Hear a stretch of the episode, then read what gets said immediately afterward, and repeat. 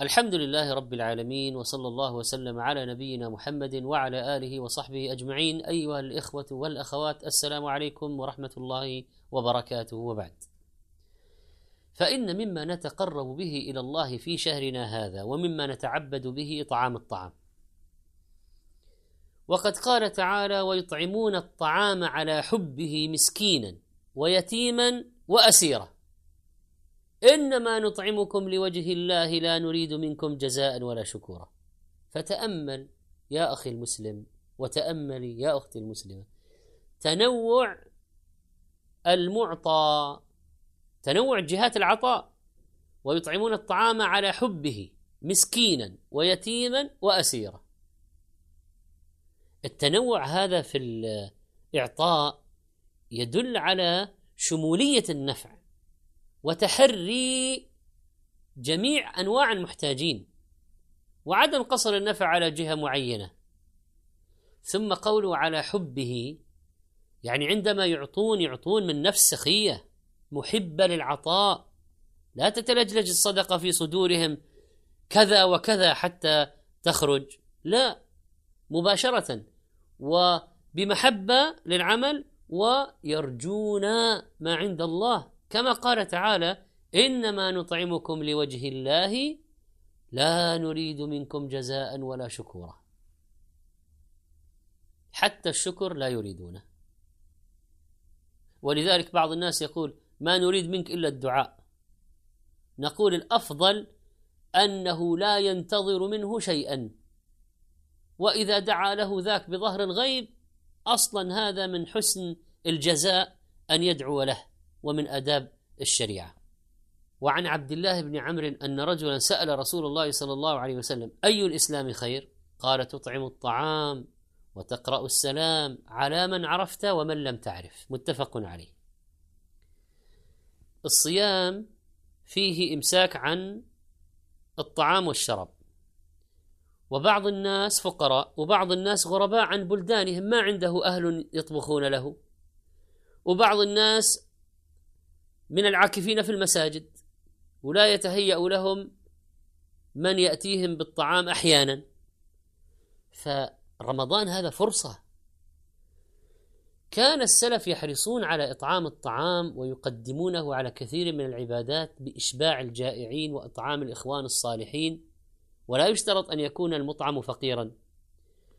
وقال بعض السلف لأن أدعو عشرة من أصحابي فأطعمهم طعاما يشتهونه أحب إلي من أن أعتق كذا وكذا. وذلك لما في الإحسان إلى الإخوان من الأجر وخصوصا عندما يكون إخوانك من الأتقياء من أهل العلم من أهل الفضل من الدعاة من الآمرين بالمعروف والناهين عن المنكر من أهل الصلاح من أهل العبادة من أهل التقوى من أهل المساجد.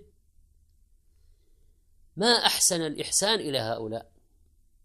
لأن إكرام هؤلاء يدل على إكرامك لهذا الدين.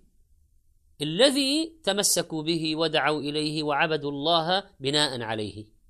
أما تفطير الصائمين فله الأجر العظيم المذكور في الحديث المعروف حديث زيد بن خالد الجهني قال قال رسول الله صلى الله عليه وسلم: من فطر صائما كان له مثل أجره غير أنه لا ينقص من أجر الصائم شيئا. رواه الترمذي وابن ماجه وصححه ابن حبان. قال شيخ الإسلام والمراد بتفطير أن يشبع كما في الاختيارات. وكان الزهري إذا دخل رمضان يقول إنما هو قراءة القرآن وإطعام الطعام. وكان كثير من السلف يؤثر بفطوره وهو صائم. منهم عبد الله بن عمر رضي الله عنه وعائشة وداود الطائي مالك بن دينار وأحمد بن حنبل وغيرهم. وكان ابن عمر رضي الله عنهما لا يفطر إلا مع اليتامى والمساكين وكان من السلف من يطعم إخوانه الطعام وهو صائم ويجلس يخدمهم. منهم الحسن بن المبارك. من أعظم أبواب الجود في رمضان إخراج المال وعلى رأسه الزكاة. وكثير من الناس اعتاد على إخراج زكاته في رمضان.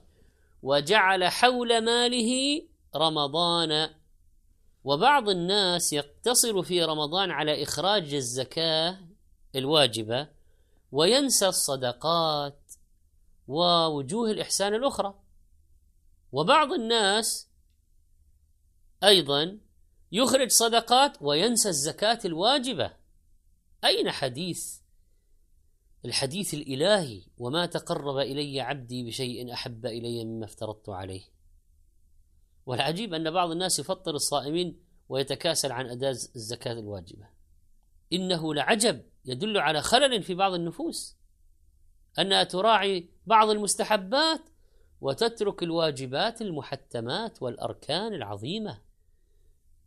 فعلى المسلم أن يجود على نفسه قبل أن يجود على غيره فيخلص نفسه من تبعة هذا المال الذي بين يديه ويخرج زكاته. والزكاة قرينة الصلاة وهي ركن عظيم من أركان الإسلام تردد ذكرها في القرآن أكثر من مئة مرة وهؤلاء ربما ينسونها أكثر من مئة مرة.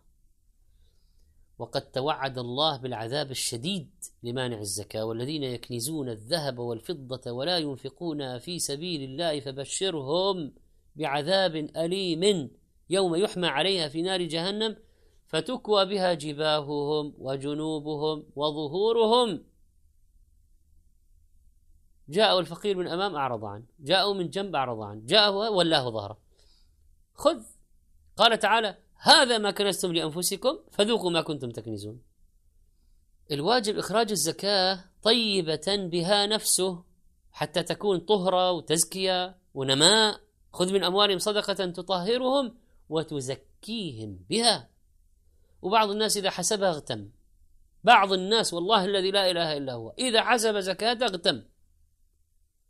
وكأنه يريد أن يقول محاسب شوف لي حسبة غير هذه. أو يقول بس خلاص أخرج الربع يكفي. لماذا يعني هو يعني هذا واجب. يجب عليك أن تخرجه كاملا كله. وبعضهم يقول إخراجها في صعوبة وأعداؤنا يتهموننا بالتهم المختلفة. يا أخي إذا أنفقت لله يعني الذين ينفقون أموالهم فلا خوف عليهم ولا هم يحزنون. ثم لابد أن يكون هنالك نية صالحة وتخرجها لله ولا تمن بها على أحد ولا تبتغي رياء ولا تبتغي سمعة ولا تذل الفقير وتجتنب العجب والإنسان المسلم إذا أعطى يرى نفسه مقصرا مهما أعطى. وكذلك فإن العطاء له صور.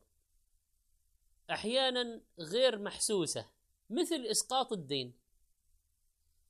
بعض الناس يعني يظن فقط العطاء أن يخرج من ماله ويسلم الآخر المال. أو يعطيه شيكا بذلك أو يحوله إلى حسابه. طيب الإسقاط إسقاط الدين هذا من أعظم صور العطاء. قال تعالى وإن كان ذو عسرة فنظرة إلى ميسرة. وأن تصدقوا يعني بإسقاط الدين كله أو بعضه خير لكم إن كنتم تعلمون. قال النبي صلى الله عليه وسلم تلقت الملائكة روح رجل ممن كان قبلكم. فقالوا أعملت من الخير شيئا؟ قال لا. قالوا تذكر. سبحان الله الملائكة تستلم الأرواح وتسأل أصحابها وتذكرهم بما نسوا. تلقت الملائكة روح رجل ممن كان قبلكم. فقالوا أعملت من الخير شيئا؟ قال لا. كان مقصرا مسرفا على نفسه. قالوا تذكر؟ قال كنت أداين الناس فآمر فتياني. الموظفين المحاسبين. فآمر فتياني وغلماني وعبيدي. فآمر فتياني أن ينظروا المعسر ويتجوزوا عن الموسر. يعني هذا الرجل إحسانه وفضله ما اقتصر على المعسرين فقط حتى الموسرين. إحسانه في شمول. لكل الطبقات. قال فآمر فتياني أن ينظروا المعسر ويتجوزوا عن الموسر قال قال الله عز وجل تجوزوا عنه. الحديث متفق عليه. فلننظر إلى إحسان هذا الرجل كيف كان سببا في مسامحة الله له. والله أولى بالفضل. إذا كان هذا الرجل صاحب فضل فالله ذو الفضل العظيم. فلما كان يتجاوز عن الناس تجاوز الله عنه. اللهم تجاوز عنا بفضلك وسامحنا بمنتك وكرمك وأسبغ علينا نعمك وتقبل منا. استودعكم الله والسلام عليكم ورحمة الله وبركاته.